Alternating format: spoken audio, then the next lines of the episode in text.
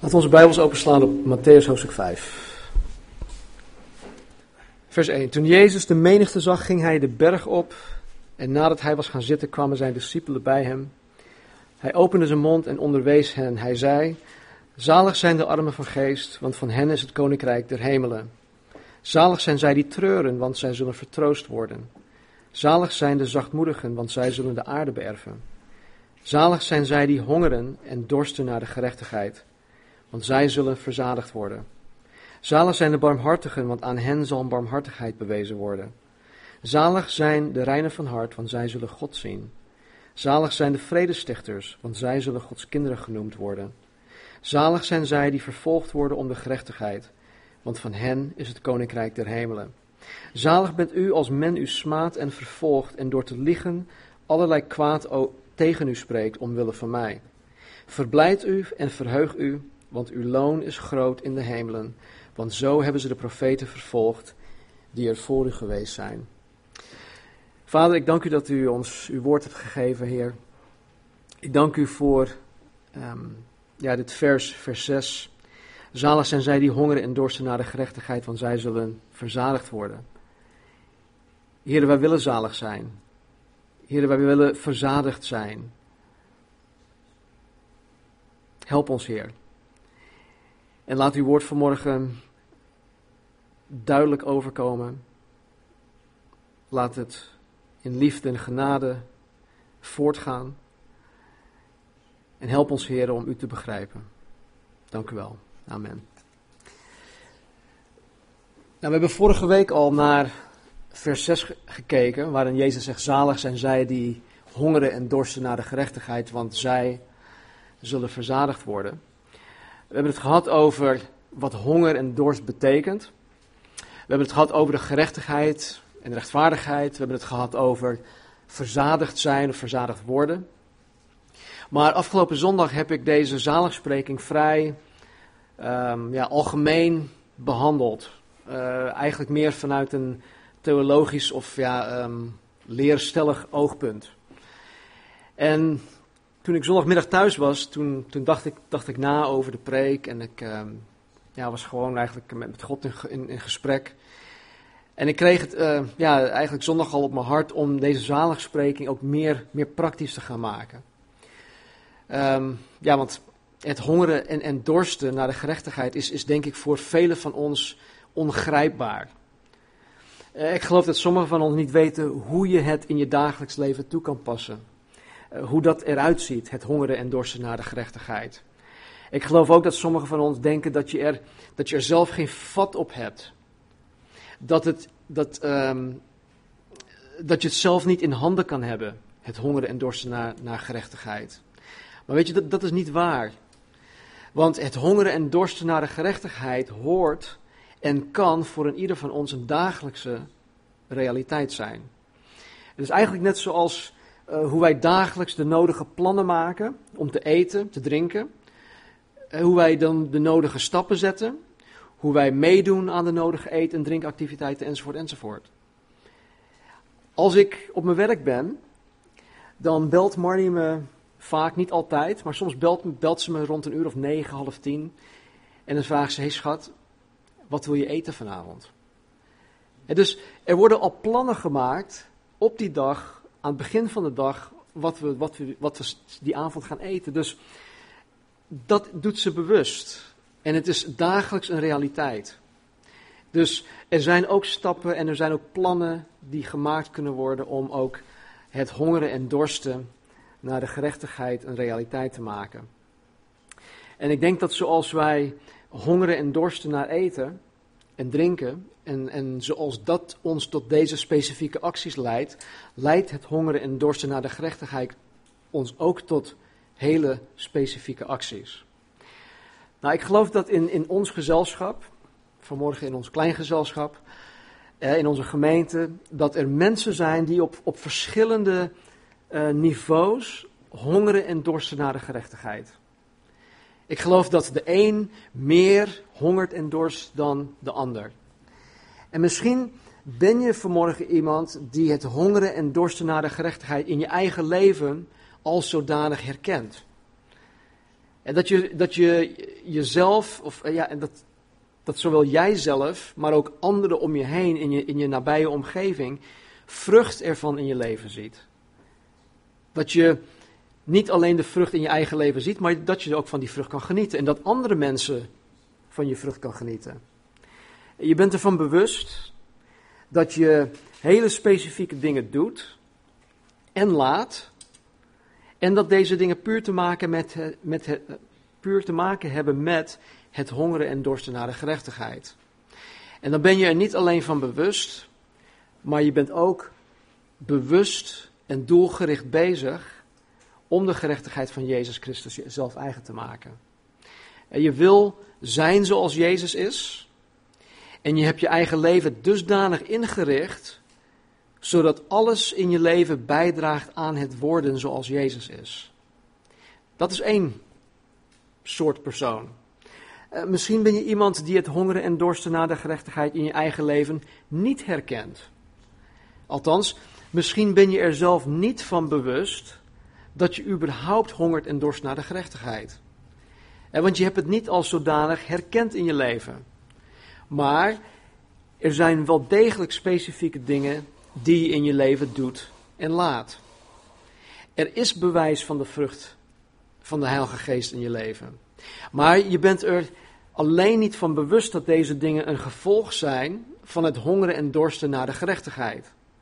En misschien heb je voor jezelf nooit die, die link gelegd tussen uh, de dingen die je doet en laat en het hongeren en dorsten naar de gerechtigheid. Misschien doe je deze dingen wel, maar je hebt het nooit gedacht van, oh ja, nee, maar dat is hongeren en dorsten naar gerechtigheid. En ook jij wil zijn zoals Jezus is. Alleen ben je er niet volledig van bewust dat de dingen die je doet en laat actief bijdragen in het worden zoals Jezus is. Dat is een tweede persoon. Derde persoon, misschien ben je iemand die denkt of van jezelf vindt dat je hongert en dorst naar de gerechtigheid. En met andere woorden, je bent er zelf van overtuigd dat hoe je je leven momenteel hebt ingericht, voldoende is om van jezelf te kunnen zeggen dat je een christen bent. Trouwens, het woord christen betekent zoals Christus. Maar goed, je denkt dat je zo ver bent. want je bezoekt de zondagsdiensten, je bent gedoopt, je bent gered, God zegent je zelfs, je geeft iets van je inkomen terug aan God, je doet geen slechte dingen, uh, je doet mensen geen kwaad, enzovoort, enzovoort. Dus het zit wel goed met jou. Maar ik geloof dat als je eerlijk bent, dan moet je toegeven dat er weinig tot geen vrucht van de geest in je leven voortkomt. Kan. Want er is geen hard bewijs dat aantoont dat je wil zijn zoals Jezus is. Je hebt je eigen leven niet dusdanig ingericht zodat alles in je leven bijdraagt aan het worden zoals Jezus is. En misschien ben je iemand die oprecht niet weet wat het hongeren en dorsten naar gerechtigheid is, wat dat betekent en hoe dat tot uiting hoort te komen, hoe dat eruit ziet. Je weet het gewoon niet. Misschien ben je iemand waarvoor het hongeren en dorsten naar de gerechtigheid gewoon niet zoveel uitmaakt. Dat kan ook. Je hebt het meerdere maal aangehoord, je hebt het gelezen, maar het boeit je niet genoeg om, om, om wezenlijke verandering in je leven te willen brengen. Je ziet de waarde er niet van in. En deze woorden van Jezus zijn niet dusdanig tot je doorgedrongen om je ervan te willen bekeren. En dus doe je er verder niets mee. Je neemt genoegen met veel minder dan dat God voor jou heeft. Nou, wie van deze mensen je vanmorgen ook bent, mijn gebed en mijn hartsverlangen is dat het voor een ieder van jullie duidelijker gaat worden uh, hoe het er in de praktijk eruit ziet om te hongeren en dorsten naar de gerechtigheid en hoe wij dit ons uh, in ons eigen leven kunnen toetsen. Met andere woorden, aan wat kan ik zien en aan wat kan ik zeker weten dat ik daadwerkelijk en honger en dorst naar de gerechtigheid? Want als Jezus belooft dat ik zalig zou zijn als ik dit doe, als Jezus belooft dat ik verzadigd zal zijn als ik dit doe, dan wil ik zeker weten dat ik daarmee bezig ben. Want ik wil zalig zijn, ik wil dolgelukkig zijn, ik wil verzadigd zijn. Nou, ik ben, ik ben er zelf van overtuigd dat de beste manier, en dit, dit pas ik ook toe in mijn eigen leven, daarom ben ik er ook zo van overtuigd. Ik ben ervan overtuigd dat de beste manier om dit te weten te komen is door onszelf een aantal testen te laten doorgaan.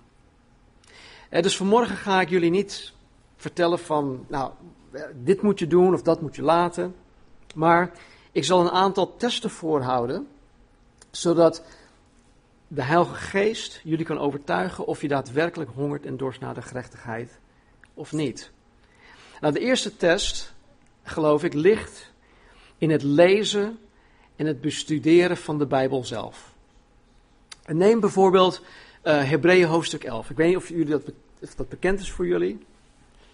Het hoort wel bekend te zijn als je al een aantal jaren meedraait in het christen zijn. Maar het, is, het, het hoofdstuk 11 heeft te maken met de grote geloofshelden. Ze worden daar stuk voor stuk genoemd.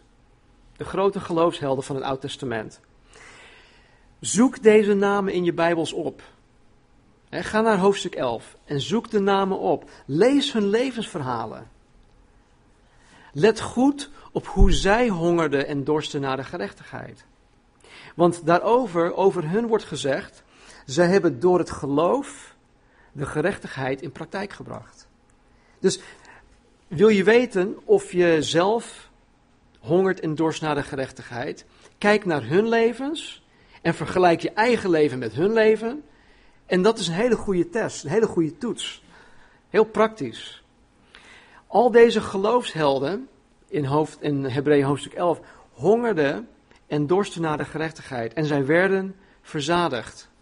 Dus leer van deze mensen, leer van hun levensverhalen.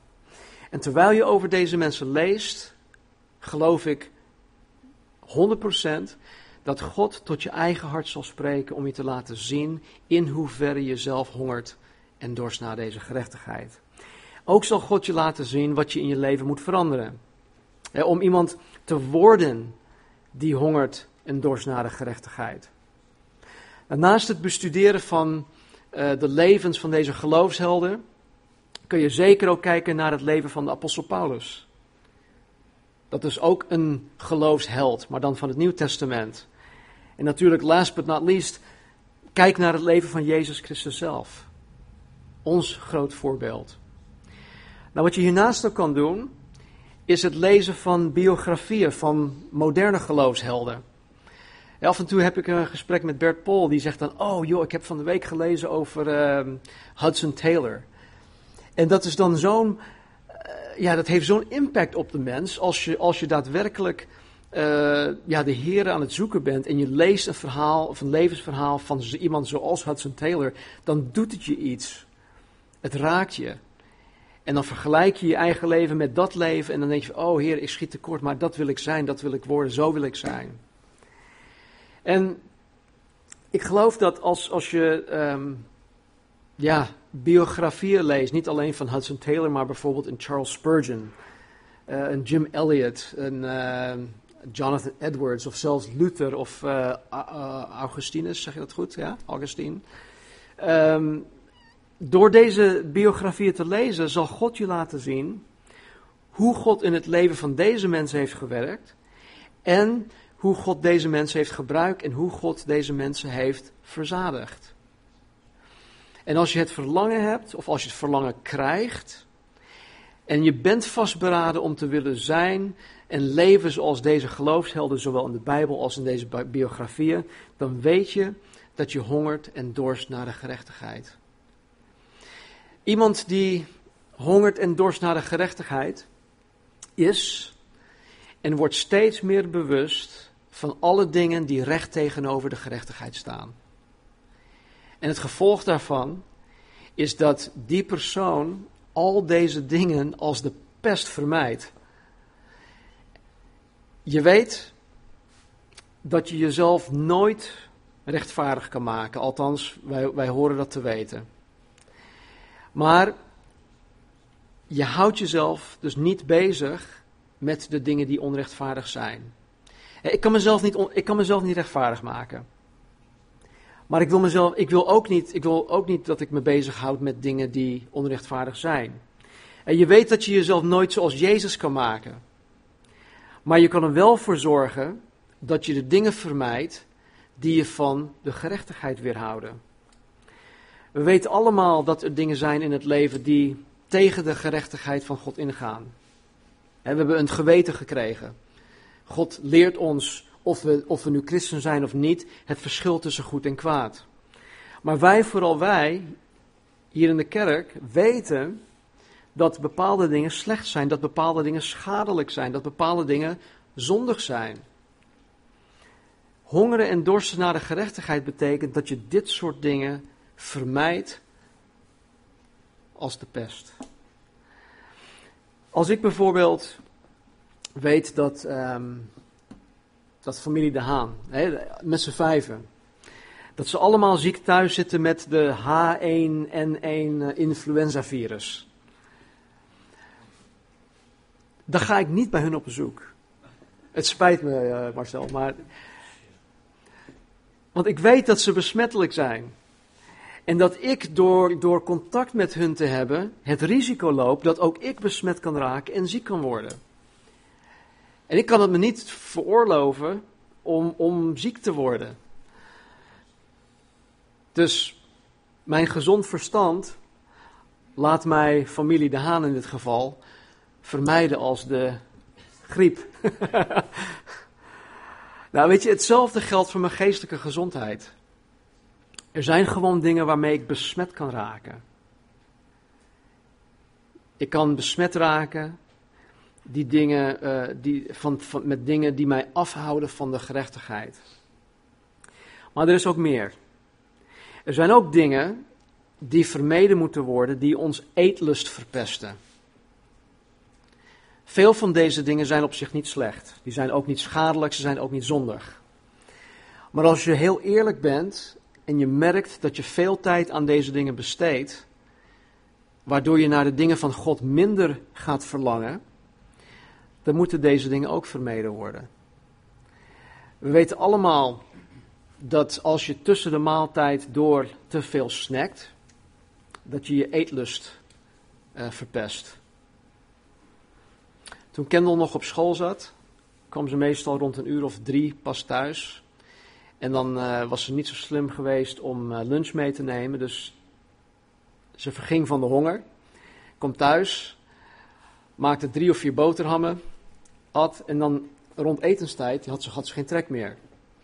Dus ik denk dat we allemaal wel een beetje weten van wat het is om, om je, je eetlust te verpesten. En dit geldt ook voor ons, hongeren en dorsten naar de gerechtigheid. Als wij ons geestelijk eetlust naar de gerechtigheid verpesten, eh, doordat wij vol zijn geraakt met andere dingen, dan moeten deze andere dingen, deze tussendoortjes, vermeden worden.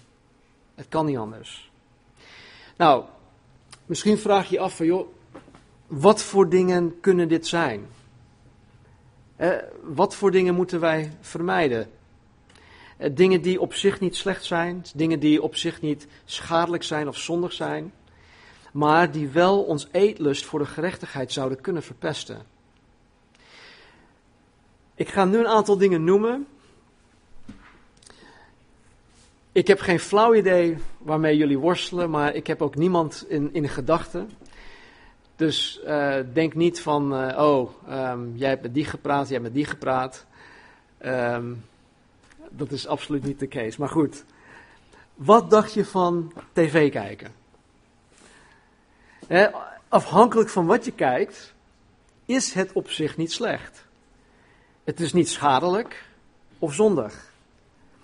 Maar het kan zoveel van je tijd beroven. Tijd dat je beter kan spenderen aan de dingen van God.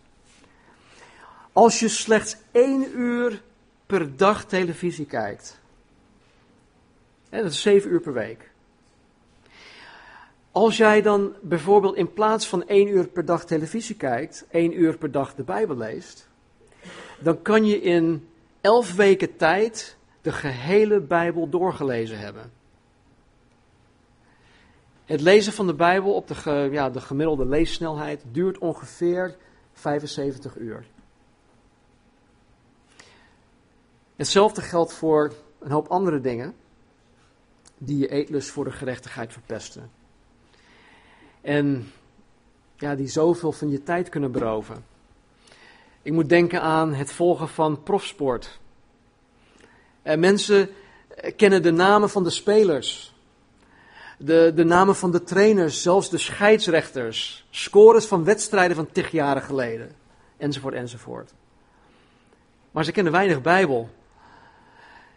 wat dacht je van gaming? hoeveel tijd of hoeveel uren worden niet besteed aan het spelen van computerspellen? Wat dacht je van het surfen van het internet? De IKEA-websites. Of online kledingwinkels, Zalando. Of, of nieuwswebsites, of verschillende forums, of YouTube, of Facebook, of Hives. Filmpjes, televisieseries die, televisieseries die je kijkt of downloadt. Zoveel tijd wordt daaraan besteed. Wat dacht je van feesten?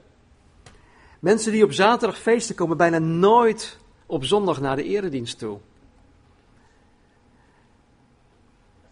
Of hobby's. Of sporten. Weet je, veelal worden hobby's en of sportactiviteiten gehouden op de zaterdag of op de zondag.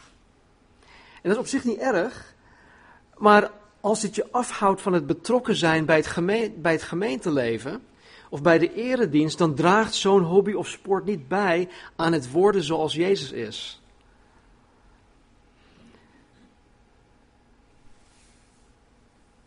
Er is ook nog het veel geld willen verdienen. Nogmaals, op zich niet slecht, op zich niet schadelijk of zondig. Maar nogmaals, als het je eetlust verpest voor de gerechtigheid van God, of als, het, of als je daardoor op de zondagen moet werken, dan draagt het niet bij aan het worden zoals Jezus is. Weet je, misschien moeten sommigen van ons wel veel geld verdienen. Omdat je een hoge hypotheekschuld hebt. Of een, een, een dure auto. Of uh, dat je te vaak en te veel per se nieuwe merkkleding moet hebben. Of dat je te veel geld uitgeeft aan elektronica of gadgets of noem maar op. Vul het zelf maar in. Weet je, op, op mijn beurt zeg ik dan, misschien moet je jezelf afvragen of je niet boven je stand leeft. Ik weet wat dat is. Ik heb het zelf jarenlang gedaan. Misschien moet je serieus gaan overwegen om, ik zeg misschien iets heel raars nu, om kleiner te gaan wonen. Om minder geld uit te gaan geven aan dingen die niet echt noodzakelijk zijn.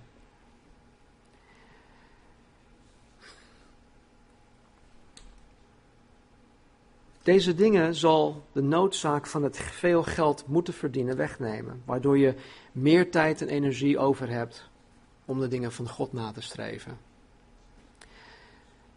Er zijn ook nog andere dingen die ons eetlust naar de gerechtigheid kan verpesten. Dingen waarover ik eigenlijk niet dogmatisch kan zijn, maar waarvan ik persoonlijk overtuigd ben dat het schadelijk kan zijn voor de geestelijke eetlust. Wereldsmuziek. Vraag jezelf af of de muziek waar je, waar, waarnaar je luistert je dichter bij God brengt, of dat het je, je vlees prikkelt, of dat het je irriteert, of dat het je opfokt, of dat het je uh, tot, tot lust, uh, whatever, uh, toedrijft. De keuze in muziek kan ook een toets zijn of je nou wel of niet hongert en dorst naar de gerechtigheid. Eh, ben, je, ben je überhaupt bekend met christelijk muziek? Met christelijke artiesten? Of kijk je alleen naar MTV en dergelijke? Nou, ik had het al eerder genoemd, maar de keuze in films of televisieseries en programma's die men kijkt, geeft ook aan of iemand hongert en dorst naar de gerechtigheid. Dit zijn allemaal dingen die ik nu even heel snel en kort in de zaal gooi. En misschien, misschien denk je van ja, maar hallo.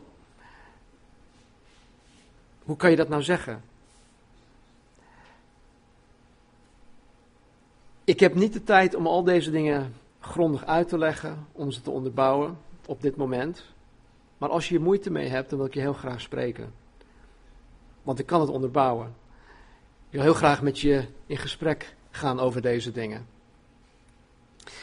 Nou, tot slot wil ik eindigen met de dingen die men doet wanneer hij of zij daadwerkelijk hongert en dorst naar de gerechtigheid. wanneer men hongert en dorst naar het willen zijn en worden zoals Jezus is. Iemand die hongert en dorst naar het willen zijn zoals Jezus is, wil zichzelf in situaties plaatsen waar zijn of haar honger verzadigd zal worden. Als ik honger heb, waar ga ik naartoe? Ik loop naar de koelkast. Of naar de kast. Ik, ik kijk, wat, wat, valt er te eten? Marnie!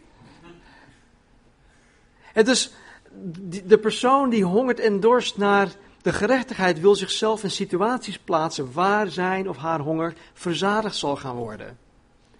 En die persoon zal kosten wat kost naar bijvoorbeeld de samenkomsten willen komen. Het is, die, het is voor, voor zo'n persoon geen moeten. Het, het wordt door niemand opgelegd. Maar voor die persoon is het een must. Hij of zij kan niet zonder, omdat hij of zij weet dat het voor hem of haar noodzakelijk is. Die persoon is er kost wat kost elke zondag in de eredienst. uitzonderingen daar gelaten. Je moet werken enzovoort. Dat... Maar die persoon is er kost wat kost elke zondag. Die persoon is er de hele week eigenlijk al mee bezig. Het is niet van, oh shit, het is zaterdag, oh het is 11 uur, ik moet, ik moet naar bed. Of zondagochtend, oh ik moet, op, moet voorop staan, hè, de wekker gaat. Oh nee, oh ja, ik moet, ik moet naar de dienst. Nee, die persoon is er al de hele week mee bezig. Die ziet uit naar de zondag dat we weer samen mogen komen. Die persoon heeft zijn of haar leven dusdanig ingericht dat het dienen in de eredienst door niets en niemand verhinderd wordt. Die persoon is er kost wat kost ook op de overige samenkomsten. Het zijn de mannenochtend, vrouwenochtend, door de weeksfellowship, conferenties, noem maar op. Want je hongert en dorst naar die dingen. Nogmaals, het is niet iets wat opgelegd kan worden. En jullie moeten je ook niet schuldig gaan voelen als ik dit zeg en je doet het niet. Het is tussen jou en God. Maar ik noem maar even een aantal dingen waaraan je je, je, je eigen leven kan toetsen. Om te kijken, je honger ik en dorst ik nou daadwerkelijk naar God, naar de dingen van God, de gerechtigheid. Die persoon die daadwerkelijk hongert en dorst naar de gerechtigheid, is de persoon die trouw is in de kleine dingen. Die trouw is in bijvoorbeeld het bezoeken van de eredienst. Sommige mensen die willen, die willen dingen doen. Die willen dingen ondernemen. Die willen bijvoorbeeld uh, iets gaan doen in de gemeente. Hè, die willen een bediening op zich nemen. Maar ik heb zoiets, als je niet eens elke zondag trouw aanwezig kan zijn, hoezo wil je dan de Heeren dienen in die context? In Hebreeën 10, vers 25 staat dit: Laten wij, wij, de onderlinge bijeenkomsten niet nalaten, zoals het bij sommigen de gewoonte is, maar elkaar aansporen en dat zoveel te meer als u de grote dag ziet naderen. Weet je, wij, wij moeten elkaar aansporen om te hongeren en te dorsten naar gerechtigheid. Iemand die hongert en dorst naar de gerechtigheid of naar het willen zijn zoals Jezus is, wil zichzelf in situaties plaatsen waar zijn of haar honger verzadigd zal worden. En die persoon weet dat het levensbelangrijk is om zoveel mogelijk om te gaan met geestelijk volwassen christenen. Doorgewinterde, sterke christenen. En de vraag is, met wie of met welke mensen kies je ervoor om mee op te trekken? Zijn het gelovigen of ongelovigen? Trek je liever op met ongelovige mensen of met gelovige mensen? En dragen deze mensen bij aan het hongeren en dorsten naar de gerechtigheid? Of verpesten deze mensen waarmee je liefst omgaat je eetlust voor de gerechtigheid? Nou, begrijp me niet verkeerd. We moeten met ongelovige mensen optrekken. Dat moet. want wij moeten een positief invloed op hun hebben. Wij moeten de liefde van Jezus Christus met deze mensen delen. Wij moeten het evangelie met mensen delen. En als je nooit in aanraking komt met, met ongelovige mensen, dan, dan, heb je, dan ben je geïsoleerd. Maar als je met ongelovige mensen optrekt, Als je daarvoor kiest, ben je eh, een, een, een thermometer. Een thermometer wordt bepaald door, zijn, door de omgeving. Of ben je een thermostaat? Een thermostaat bepaalt de omgeving. Nou, nog even snel een aantal toetsen. Om voor jezelf te kunnen bepalen of je daadwerkelijk hongert en dorst naar de gerechtigheid. Hoeveel tijd besteed je aan het lezen en bestuderen van Gods Woord, de Bijbel? Dat is een hele praktische en, en eenvoudige toets. Nogmaals, de hele Bijbel kan in nog geen 80 uur doorgelezen worden. Ik wil niet zeggen dat, dat jullie dat gewoon elke keer moeten doen, hè, om, de 80 uur de hele Bijbel doorlezen, maar het, het is mogelijk. Ja, maar ik heb geen tijd. Ja, maar waar heb je wel tijd voor? Of waar maak je tijd voor? Weet je, de, de dingen die wij willen doen, maken we altijd tijd voor. Zo zitten wij nou eenmaal in elkaar. Ben je bereid om de Bijbel te, niet alleen te lezen in 80 uur, maar ook het te bestuderen? Uh, onder andere ook door boeken over de Bijbel te lezen. Er zijn heel veel boeken over bepaalde Bijbelgedeelten, bij, be, bepaalde Bijbelboeken, bepaalde Bijbel. Um, uh, mensen, eh, figuren vanuit de Bijbel? Ben je bereid om, om preken te bekijken of te, te beluisteren? Ben je bereid om biografieën van geloofshelden te lezen? In hoeverre ben je betrokken bij het gemeenteleven? Ben je betrokken of ben je een bezoeker? Heb je het verlangen om met mensen om te gaan waarvan je weet dat zij hongeren en dorsten naar de gerechtigheid? Ben je bereid om te. Is nog, nog zoiets? Ben je bereid om te verhuizen om meer betrokken te kunnen zijn in het gemeenteleven? Dit is een, uh, ja, weet je, voor sommige mensen is dit, is, is dit, dit is gewoon not done. Wie gaat nou verhuizen om dichter bij de kerk te wonen? Nou, daarop zeg ik, zeg ik nou, wie gaat verhuizen om een baan? Of wie gaat verhuizen om een relatie? Dat is heel normaal.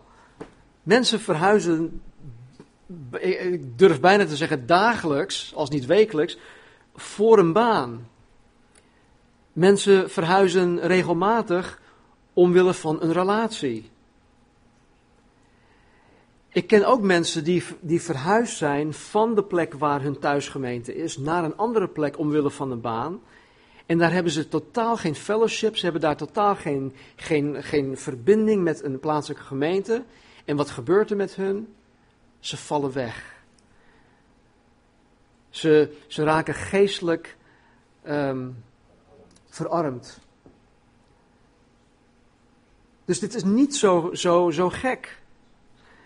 Ben je bereid om te verhuizen? Heb je het verlangen en doe je er ook iets aan om bijvoorbeeld gezond te leven? Ben je een goede rentmeester van de tempel van de Heilige Geest, je lichaam? Eet je gezond in zowel kwantiteit als kwaliteit? Beweeg je elke dag minstens een half uur? Zoals voorgeschreven wordt. Krijg je voldoende slaap? Slaap is belangrijk. Niet te weinig slaap, maar ook niet te veel slaap. Slaap is wel, wel nodig. Heb je een sterk verlangen naar reinheid en heiliging? Keer je je af van buitenechtelijke seks? Vermijd je films en televisieprogramma's waarin er gevloekt wordt of waarin buitenechtelijke seks voorkomt, waarin naaktheid voorkomt. Er zijn zoveel televisieprogramma's tegenwoordig, vooral de commerciële zenders, die alleen maar te maken hebben met, met overspel of, of buitenechtelijke seks, met, met uh, hoe noem je dat? Um, fornication, hoe heet dat? Hoererij, dankjewel. Wat zeg je? Ja, hoererij. Nogmaals, over een aantal van deze dingen die ik genoemd heb, kan ik niet dogmatisch zijn. want het zijn hele praktische dingen. Maar ik weet zeker dat wanneer wij deze, deze toetsen doorstaan, wanneer wij aan de hand van deze toetsen kunnen zien dat wij daar inderdaad hongeren en dorsten naar de gerechtigheid, dat wij gegarandeerd verzadigd zullen worden. En dat geloof ik is de ultieme test. De ultieme test is: ben je vanmorgen verzadigd? Ben je vanmorgen dolgelukkig? Want Jezus zegt, en ik geloof hem 100%, dolgelukkig of zalig zijn zij die hongeren en dorsten naar de gerechtigheid, want zij zullen verzadigd worden. En ik geloof dat dat echt de test is. Ben je verzadigd? Ben je dolgelukkig? Als dat niet het geval is, laten we samen eraan werken om te hongeren, te dorsten naar die gerechtigheid. Laten we elkaar daarin helpen. Laten we elkaar daarin bemoedigen. Laten we elkaar ondersteunen daarin. Als de een zwak is, dat de ander die, die ene oppakt en zegt: Kom op joh, we gaan verder. Want we kunnen dit niet alleen. Ik kan dit absoluut niet alleen. Ik heb mensen om me heen nodig die voor mij bidden, die mij terechtwijzen, die tegen mij durven te zeggen als, als ik van het pad afwandel, zeg van hé, hey, uh, kom eens even hier, ik wil iets met je, met je bespreken. We hebben dat allemaal nodig.